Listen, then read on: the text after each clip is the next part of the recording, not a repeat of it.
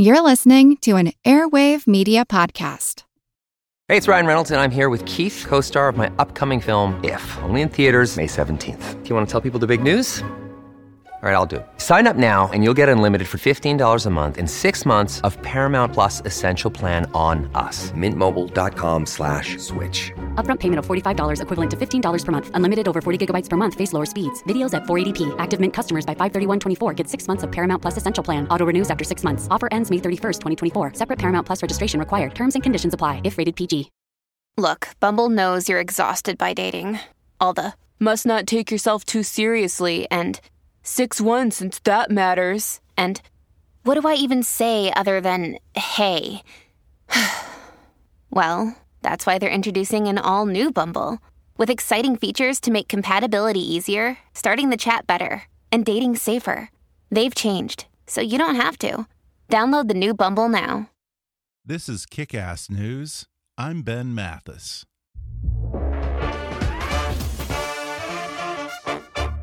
Hey folks, it's Ben here with a couple of new quick announcements. We have a new Twitter handle that's probably more in line with the current direction of the show. It's at Kickass News Pod instead of the previous name at KA Politics. If you're already following us on Twitter, you don't need to refollow us or change a thing. It'll just update our name in your Twitter feed. So don't be alarmed when you see at Kickass News Pod. It's just me. Also, we're in the midst of raising our production budget for 2017, so if you enjoy the show, I really hope you'll consider showing your support by making a donation to gofundme.com slash kickassnews. And even if you can't do that, another way you can support the podcast is by patronizing some of our great sponsors. Be sure to use the links and promo codes mentioned in our advertisements or get them from our sponsor page because that lets our advertisers know that you're a kick-ass news listener. And it also gets you in on some great offers and big-time discounts just for fans of the show. Finally, if you have a moment, please take our listener survey at podsurvey.com slash kick. And now, enjoy the podcast. Hi, I'm Ben Mathis, and welcome to Kick Ass News. Earlier this month, Donald Trump made what should have been a congenial phone call to Australian Prime Minister Malcolm Turnbull. Ever the diplomat, President Trump blasted Turnbull over a refugee agreement and boasted about the magnitude of his electoral college win before cutting the call short and saying, quote, This was the worst call by far. I wanted to get some perspective on what this strange incident means for the U.S. Australia relationship and broader concerns in the Pacific. So today I'm talking with Prime Minister Turnbull's predecessor, Kevin Rudd. Kevin Rudd served as Australia's 26th Prime Minister from 2007 to 2010, then as Foreign Minister from 2010 to 2012, before returning as Prime Minister in 2013. He led Australia's response during the global financial crisis, reviewed by the IMF as the most effective stimulus strategy of all major economies, and was a co chair of the G20, which prevented the global economy from spiraling into depression. As Prime Minister and Foreign Minister, Mr. Rudd was a driving force in expanding the East Asia Summit to include both the U.S. and Russia in 2010, having already launched an initiative for the long term transformation of the EAS into a wider Asia Pacific community. He was a member of the UN High Level Panel on Global Sustainability and drove Australia's successful bid for a non permanent seat on the UN Security Council from 2012 to 2014. Now he serves as chair of the Independent Commission on Multilateralism, where he led a review of the UN system. He served as a senior fellow with Harvard University's John F. Kennedy School of Government, where he conducted a major research project on U.S. China relations. He's a distinguished visiting fellow at Chatham House, distinguished statesman for the Center for Strategic and International Studies, a distinguished fellow at the Paulson Institute, and he was recently appointed to the Concordia Leadership Council. Mr. Rudd is currently the founding president of the Asia Society Policy Institute, a think do tank dedicated to second track diplomacy to assist governments and businesses on policy changes within Asia and between Asia, the U.S., and the West. Today, I'll talk with Mr. Rudd about that phone call between President Trump and Mr. Rudd's successor as Prime Minister, as well as Trump's exit from the Trans Pacific Partnership, what that means for the other partner nations, including Australia, and what a new Pacific trade bloc with China instead of the U.S. might look like.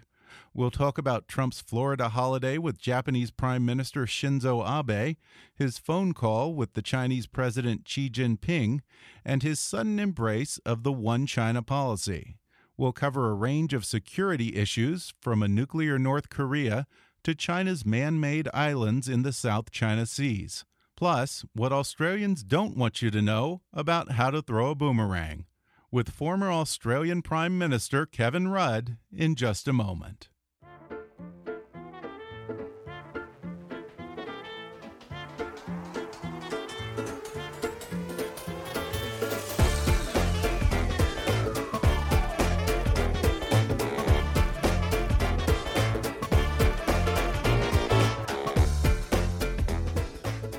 Kevin Rudd served as Australia's 26th Prime Minister from 2007 to 2010, then as Foreign Minister from 2010 to 2012, before returning as Prime Minister in 2013.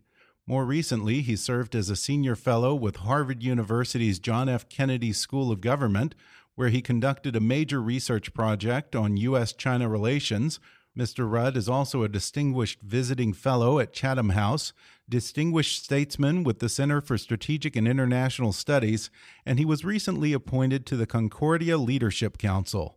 Kevin Rudd joined the Asia Society Policy Institute as the inaugural president in January 2015, where he currently continues to serve as president. Mr. Rudd, thank you for joining me. Good to be with you on Kickass Radio.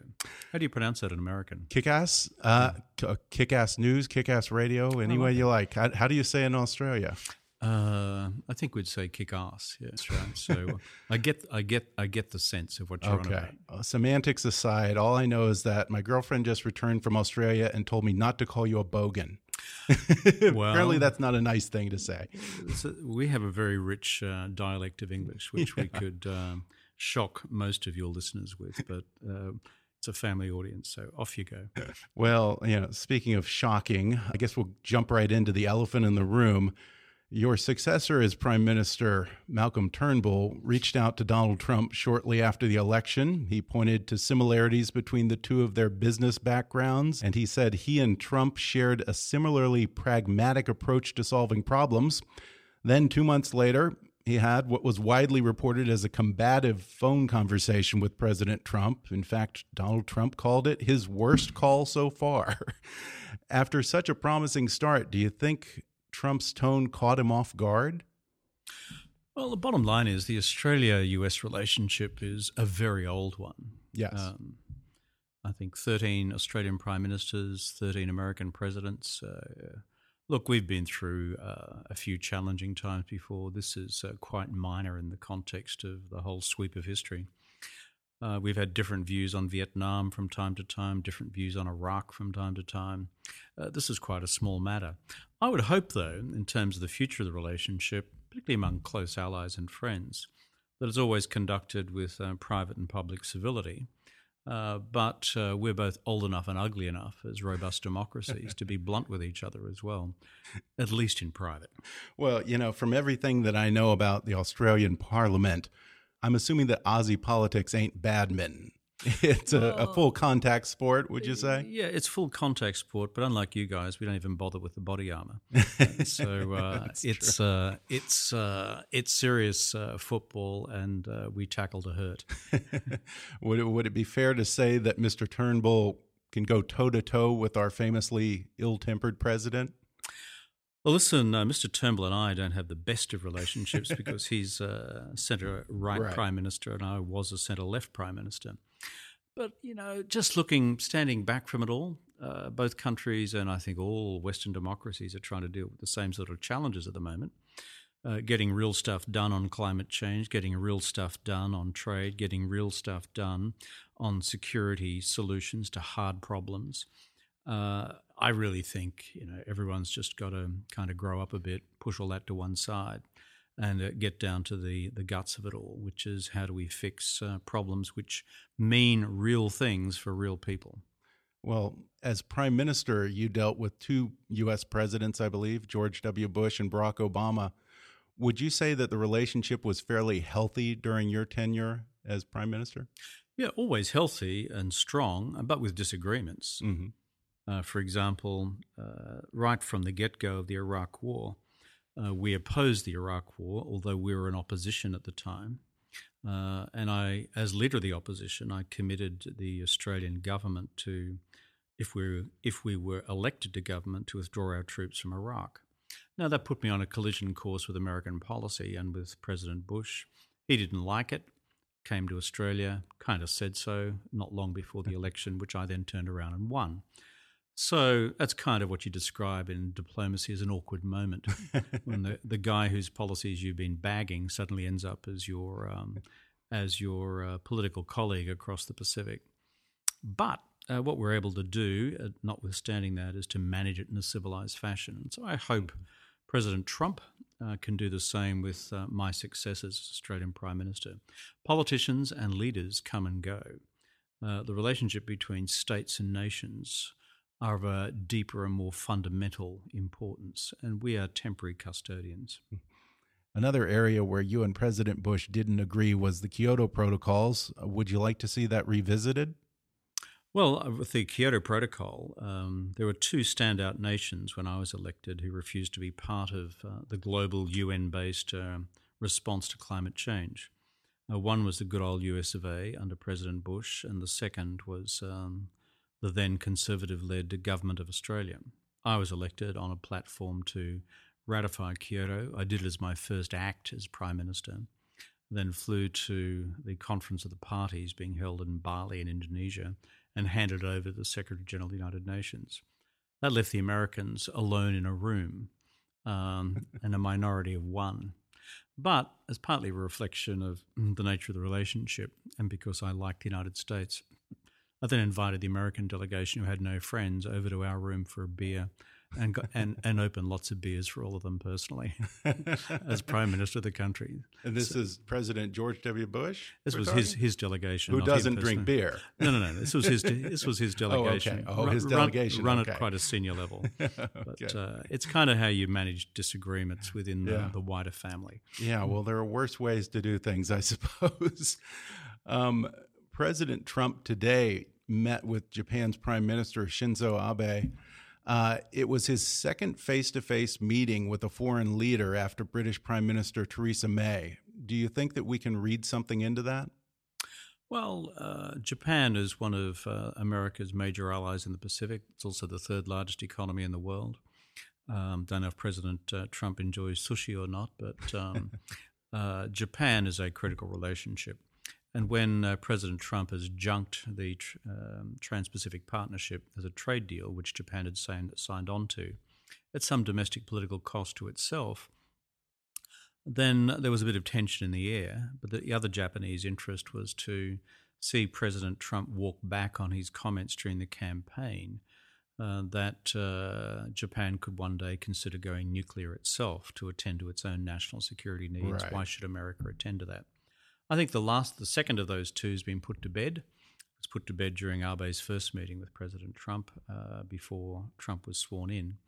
On the other one on trade, let's see what this um, two days, I think one in Washington and one down in Florida, hmm. um, mm. are going to produce. So it'll be interesting to see the uh, what the flies on the wall have got to say about that meeting. and there do seem to be a lot of flies on the wall this time around. Well, it's they, kind they of seem to be very chatty flies in this well, administration. I'm not a, I'm not a journalist, but I've got to say I pick up my morning papers, the Post and the Times and others, and basically see what happened in Washington the previous day at a level of forensic detail which would have frightened me if I was in office myself. Prior to his meeting with the Japanese prime minister today, yesterday, Trump had what he said was a quote unquote cordial phone conversation with Chinese President Xi Jinping. Uh, Beijing released a statement calling the two nations, quote, cooperative partners who could push bilateral relations to a historic new high. Is that wishful thinking on China's part, or do you think that phone call was a pretty good start? Well, the good thing about the conversation is it finally put to bed the question of America's po- position on the one China policy. Mm-hmm. For the benefit of your listeners, the one China policy has been around since effectively the 1970s. It was the basis upon which democ- uh, diplomatic normalization occurred in 79 under the Carter administration. Um, and it was something to which the US administration was building after the 72 visit by Nixon and Kissinger. Essentially, that anyone recognizing the People's Republic of China uh, recognizes uh, Beijing as the legitimate government of all China, uh, and that by inference includes Taiwan. So, when in the last uh, couple of months, uh, candidate Trump and then uh, President elect Trump threw the one China policy up into the air and said it's just another negotiation with the Chinese, it really freaked people in Beijing out. Um, and the problem for the rest of us is that it's kind of the foundation stone upon which you have all other discussions with the Chinese about mm-hmm. everything else. So, in this conversation on the phone with President Xi Jinping, uh, it's clear uh, from the statement from the administration that um, the US president has made it uh, uh abundantly uh, clear that uh, he now accepts the legitimacy of the one China policy. But everything else in that China US relationship, whether it's trade, whether it's investment, whether it's currency, South China Sea, North Korea, they can now talk about and get into in a substantive way. And I hope that happens sooner rather than later. So if he hadn't walked that back, that would have been a deal breaker for everything else. Yeah. Do you watch South Park? yeah, I do. There's a great song in South Park uh, from one of them uh, which has this refrain, dum dum dum dum dum. That's what it would have been. I think we might be hearing that refrain a lot over no, the no, next that's what it years. would have been had the president not clarified. Yeah. And, uh, and I'm glad the president now has clarified. So now that he has, uh, does China take him at his word and declare this a victory? Uh, I think the Chinese are too smart for that. Uh, the uh, Chinese uh, domestically would have regarded non acceptance of the one China policy as a very difficult issue within their domestic politics. Um, impossible to manage, frankly. Uh, so I think what they want to do is just get down to business, mm-hmm. and I think uh, this is the right way to go. So the next step is when do they meet, and what's the working agenda, and can they produce something on the core things that matter, on bilateral trade policy, on bilateral investment policy, on how do we deal with the different strategic perspectives on the South China Sea and what about the granddaddy of them all, the North Korean nuclear program? Mm -hmm. Donald Trump has talked to a number of world leaders, and it was glaring by omission that he hadn't yet spoken with the president of China. If he hadn't made that phone call before meeting with Japan today, would that have been taken as a significant slight by the Chinese government? Not quite. Um, the reason being is that there was a brief congratulatory call between uh, he and Xi Jinping okay. uh, within a week or so of the election. Um, but obviously, with a couple of days of quality time being spent in um, DC and uh, down uh, on uh, Mar-a-Lago, uh, Mar-a-Lago in in Florida, and given the complex and often competing relationships with between the U.S. and China and Japan, uh, it was the right time, and I congratulate the president uh, in doing so, in clarifying uh, the position on the One China policy, and more importantly, than having a substantive call mm-hmm. Uh, with President Xi Jinping on the phone. Much to discuss uh, between the two of them, but frankly, much to resolve. Mm-hmm. Uh, it's not just going to be jaw, jaw, jaw. it actually has to be more substantive than that. Uh, if it's not substantive and solving core problems, then what we do want to avoid is war, war, war. Mm -hmm. And I want to talk about another significant move that President Trump made uh, shortly after the inauguration, of course, scuttling the TPP, which was really already dead in the water. You've spent a good amount of your time promoting trade. As Prime Minister, you worked on expanding the East Asia Summit into a wider Asia Pacific community. Um, given your efforts, did the U.S. rejection of the Trans Pacific Partnership sting a little? I think for friends and allies and partners of the United States in the Asia Pacific, uh, the answer would be yes, um, because each of them had invested their own domestic political capital in signing up to this thing. And secondly, because uh, everyone concluded, including the then US administration, this was not just good for the region, it was good for the United States as well. Mm-hmm. So uh, we think uh, that uh, it would have been better to continue. President Trump has now made the call. It's dead and buried. Um, I don't think it's even comatose anymore. um, I don't think there's a pulse there. Um, yeah. And uh, I see early signs of rigor mortis setting in. So the question is what replaces it? And uh, we need now to focus a lot of our policy effort on the two other proposals on the table. One called the Free Trade Area for Asia and the Pacific, its acronym is FTAP, and the other is called RCEP in the alphabet soup, which um, which makes up trade policy, and that is uh, the uh, regional uh, cooperation uh, on uh, economic partnership in uh, the Asia, in the region as well. we've got to make sure that those agreements are not just paper, political, diplomatic agreements, but they mm-hmm. actually substantively increase activity.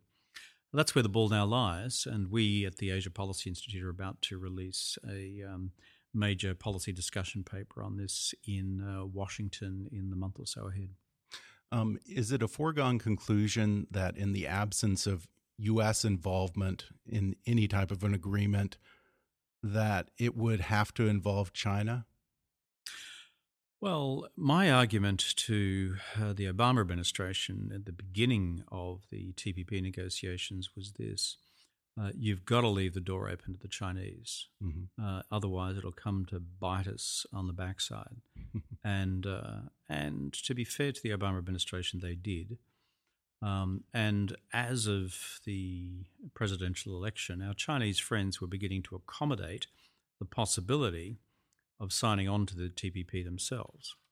Uh, this would have been a huge boon for the global economy, the regional economy, because it would invite greater access to China's markets for the signature states than was uh, hitherto the case. So um, I think uh, the big question now is to make sure that whatever happens, we seek to ensure that um, neither China nor America are cut out far better they're both in there together. Mm-hmm. Uh, trade doesn't prevent wars, but trade can help reduce the likelihood of wars. Mm-hmm. Given the concessions that the other countries would have to make to China on issues like government subsidies, um, I'm assuming, correct me if I'm wrong, but I'm assuming that the deal would be significantly less palatable to Australia and the other countries than the TPP would have been. Am I right? Well, TPP uh, was comprehensive, dealt with mm-hmm. trade, dealt with investment, and on trade it was high ambition. Everyone usually has their own what we describe as taper, that is the point at which they finally expire their protectionist uh, vapor trail. Probably my best way of putting it. Um, but it was, you know, it was a deal, and uh, it, these are hard to pull together. I think opening it up again in order to provide greater opportunities for the uh, admissibility of state subsidy, direct or indirect, uh, will be difficult for the other parties. Mm-hmm. Not impossible, but difficult. Because when you have such a large state owned sector in the Chinese economy, as represented by Chinese state owned enterprises, about 20, 25% of total production, uh, this is not sort of just of academic interest, it's, it's big. We're going to take a quick break, and then I'll be back to talk more with former Australian Prime Minister Kevin Rudd when we come back in just a minute.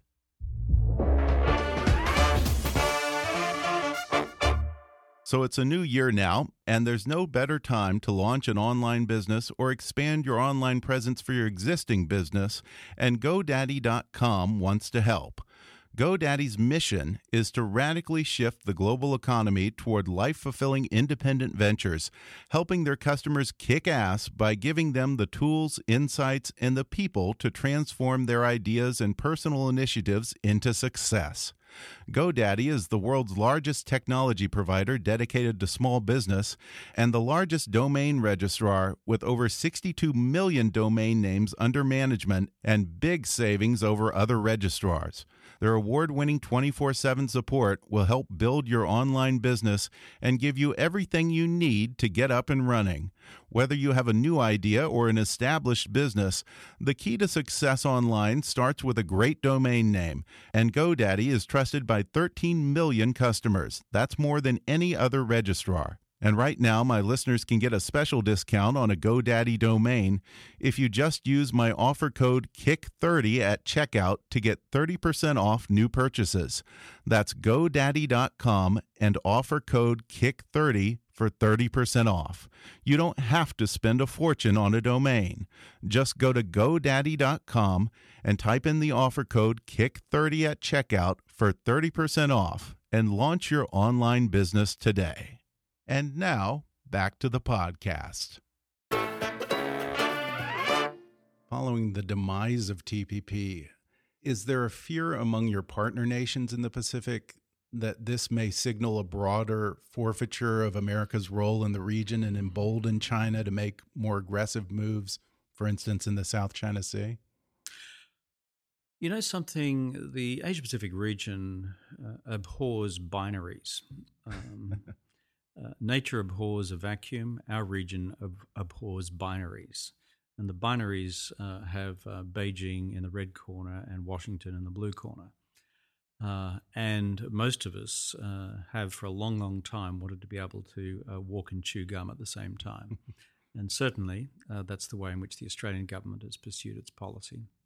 I think the $6,000 question for the US administration uh, the Republican administration under President Trump is what global leadership role does the United States now want and is willing to provide, and parallel to that for the Asia Pacific region. I think the key thing, and this is uh, part of what I've been saying here today in my address here at UCLA, um, hosted by the Asia Society in um, Los Angeles, uh, is we now face a lack of clarity and much uncertainty on that. Well, nature also abhors uncertainty as much as it abhors a vacuum.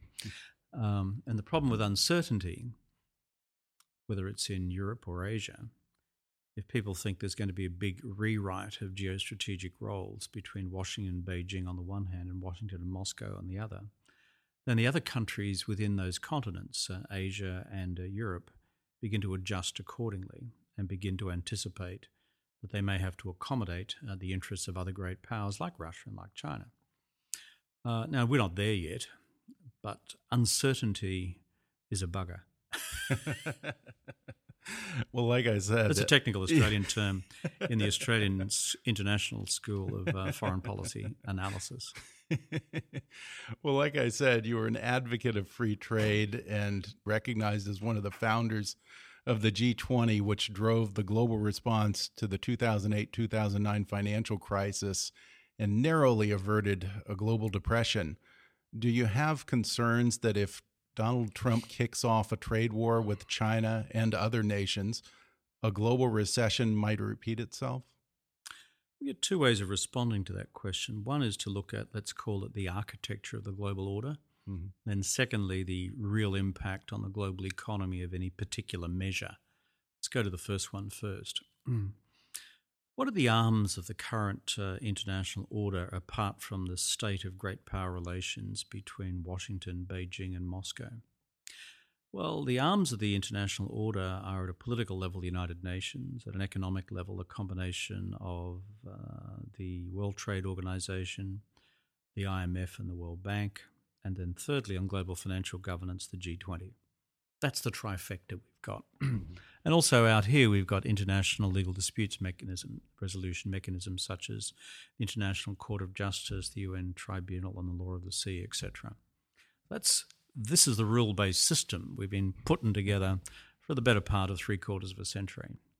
Now, um, the US has been essential to the creation of all three sets. Uh, the Bretton Woods institutions, uh, the GATT, the IMF, the World Bank, all came out of Bretton Woods in 44.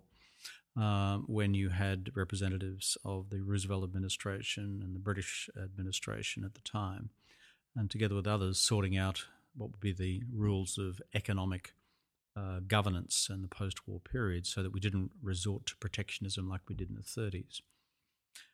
If America withdraws from that through uh, either indifference to the WTO or taking protectionist measures itself and triggering trade wars, I think we're in a world of pain. Secondly, on the United Nations, much criticised, but if the UN wasn't there and the UN Security Council wasn't there, and the body of six to seven hundred items of international treaty law which fall under the United Nations system wasn't there, then we do resort to law of the jungle. Once again, this is largely an American construct in 45, the work having been done in State Department, policy planning staff, etc., while the rest of us were just trying to win the war. Um, now, if America was to pull the plug on that, you're also pulling another plug on American soft power in the world. Roll it forward to the G20. Uh, in the context of the financial crisis of 2007 8, when a certain substance was really going to hit the global fan, um, we um, had to uh, quickly innovate and find an institutional mechanism globally which could deal with uh, staunching uh, the uh, further collapse of financial institutions. Uh, secondly, injecting sufficient growth into the global economy through monetary and fiscal policy stimulus uh, to prevent a recession from going to a depression, and then commission a whole bunch of uh, regulatory reform measures which would prevent or at least reduce the likelihood of another crisis. And that's being discharged by a body called the Financial Stability Board, which answers to the G20. Sorry if all that's too nerdy for your listeners, but that's the background.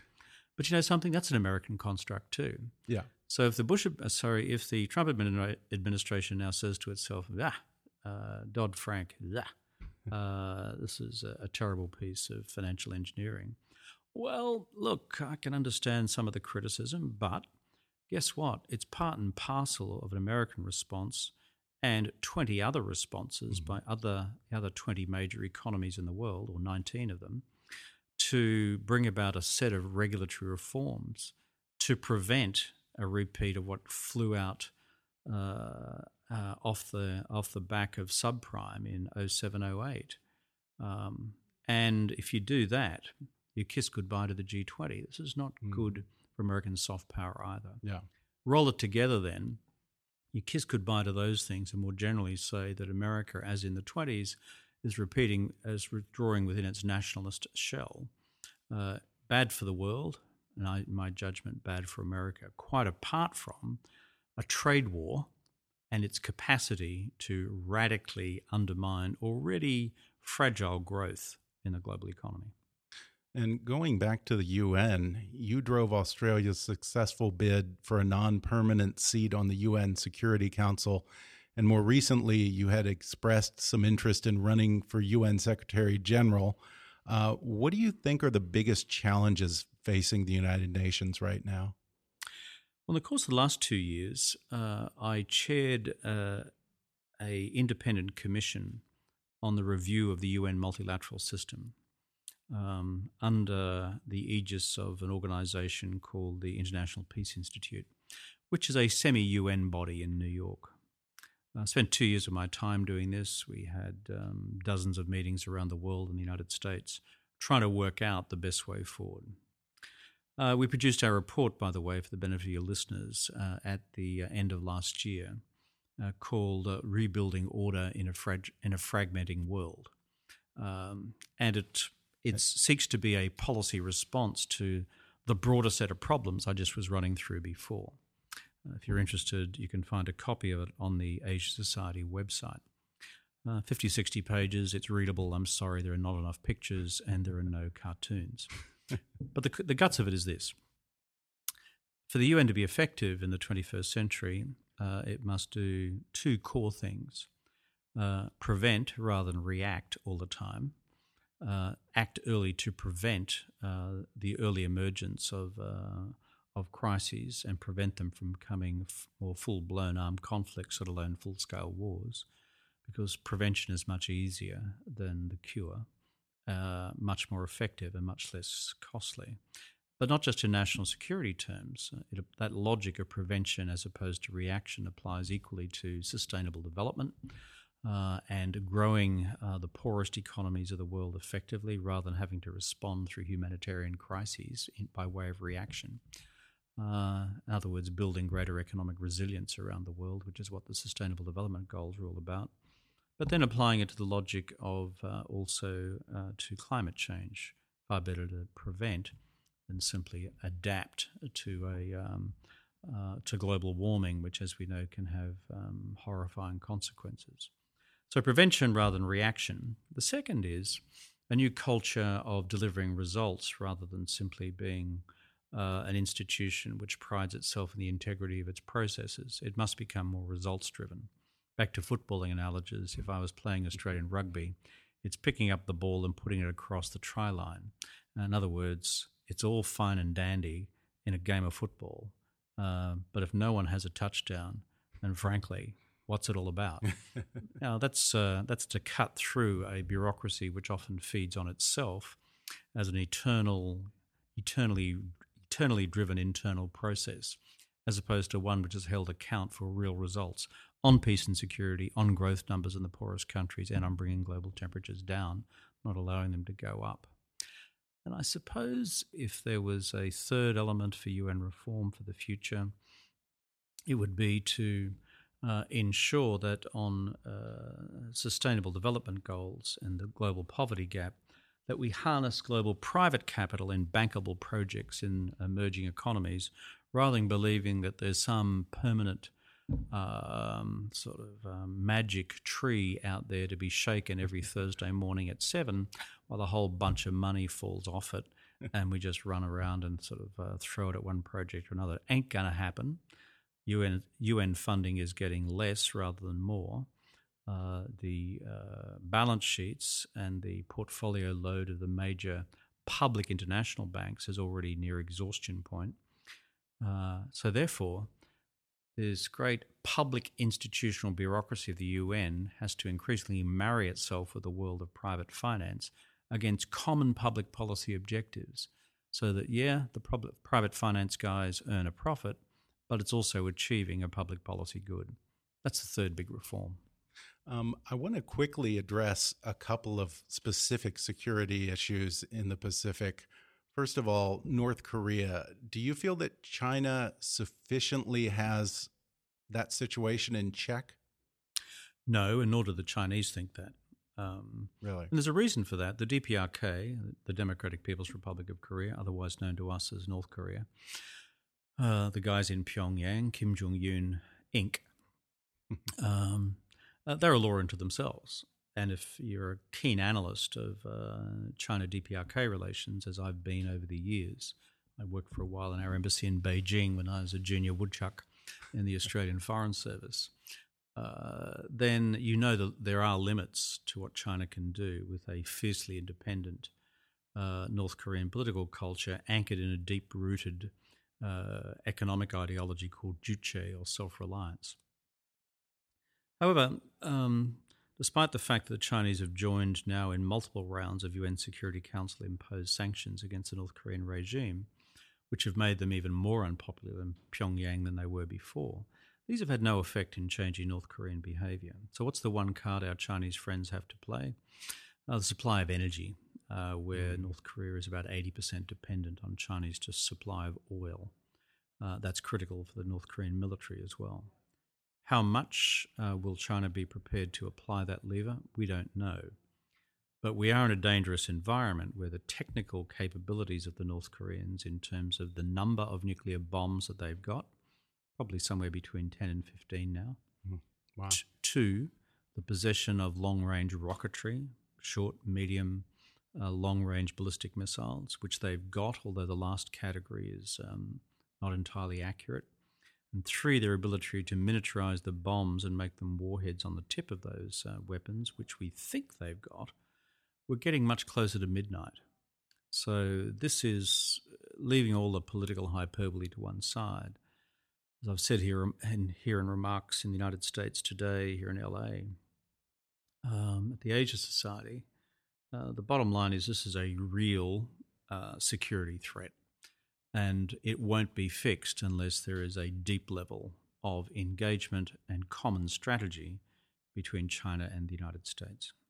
What's the way forward in resolving the matter of China's man made islands in the South China Sea? You know, this one is uh, more complex uh, than um, most foreign policy and security policy questions on the mm. planet outside the Middle East. that's, that's, its own bucket of complexity. Um, but I'll just say this you've got six or seven claimant states around this body of water. Chinese have an historical position going back to 1948. Most of the others have since their independence, and in some cases pre independence in the days of colonial administration of various of the countries of Southeast Asia. Secondly, up until about uh, four or five years ago, the way of resolving this was not to resolve it, just kick the can down the road. Mm-hmm. Sometimes not a bad thing to do in history uh, and instead uh, operate around some rules of the road about common resource extraction and usage called the Declaration of Conduct for uh, the use of resources in the South China Sea. But now, um, uh, China, believing that others among the claimant seven, namely Vietnam and Philippines, have taken their own unilateral actions. The Chinese view is that they've taken their own retaliatory unilateral actions and in claiming and occupying features and enhancing them. Of course, the Chinese have done this on a much grander scale than the other two. So, how do you deal with it? I think uh, it's unlikely that the Chinese this year will seek to expand uh, further reclamation. Uh, when Secretary of State Tillerson said in his confirmation hearings that the United States would block Chinese resupply of these islands, um, I would think long and hard about that in terms of creating uh, unnecessary and potentially dangerous red lines. But thirdly, uh, what I'd strongly encourage both sides to do without public declaration is just de-accelerate military, naval, and air deployments to the region, reduce the likelihood of metal on metal, that is, uh, ships and planes running into each other just because there's too many of them in a confined space. And thirdly, once the temperature is down as a consequence of that, in 12 months' time, quietly resume the ASEAN based negotiations on a code of conduct for common extraction of resources and kick the sovereignty can down the road another 20 or 30 years. And as Deng Xiaoping used to say, to a much smarter generation in the future to fix this one.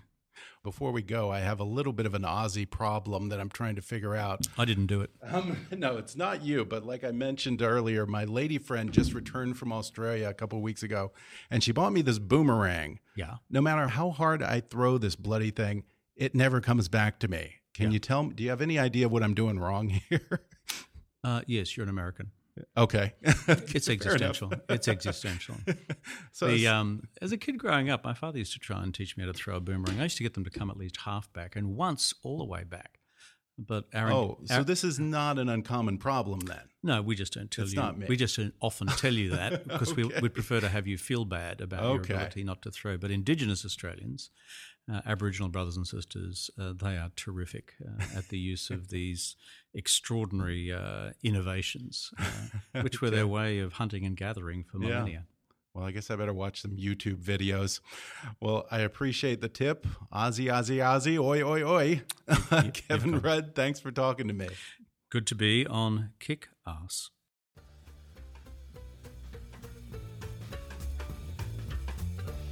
Thanks again to Kevin Rudd for joining me on the podcast. You can learn more about the Asia Society Policy Institute at asiasociety.org. Visit his personal website at kevinrudd.com and follow him on Twitter at, at Mr. K. Rudd. Be sure to subscribe to Kickass News on iTunes and leave us a review while you're there. Don't forget to take our listener survey. It only takes five minutes at podsurvey.com slash kick you can visit Kickass News on Facebook and follow us on Twitter at, at KickassNewsPod. And be sure to recommend Kickass News to your friends on your social media. And if you really want to help out, then donate to our GoFundMe campaign at gofundme.com slash kickassnews or click on the donate button at kickassnews.com. As always, I welcome your comments, questions, and suggestions at comments at kickassnews.com. For now, though, I'm Ben Mathis, and thanks for listening to Kickass News.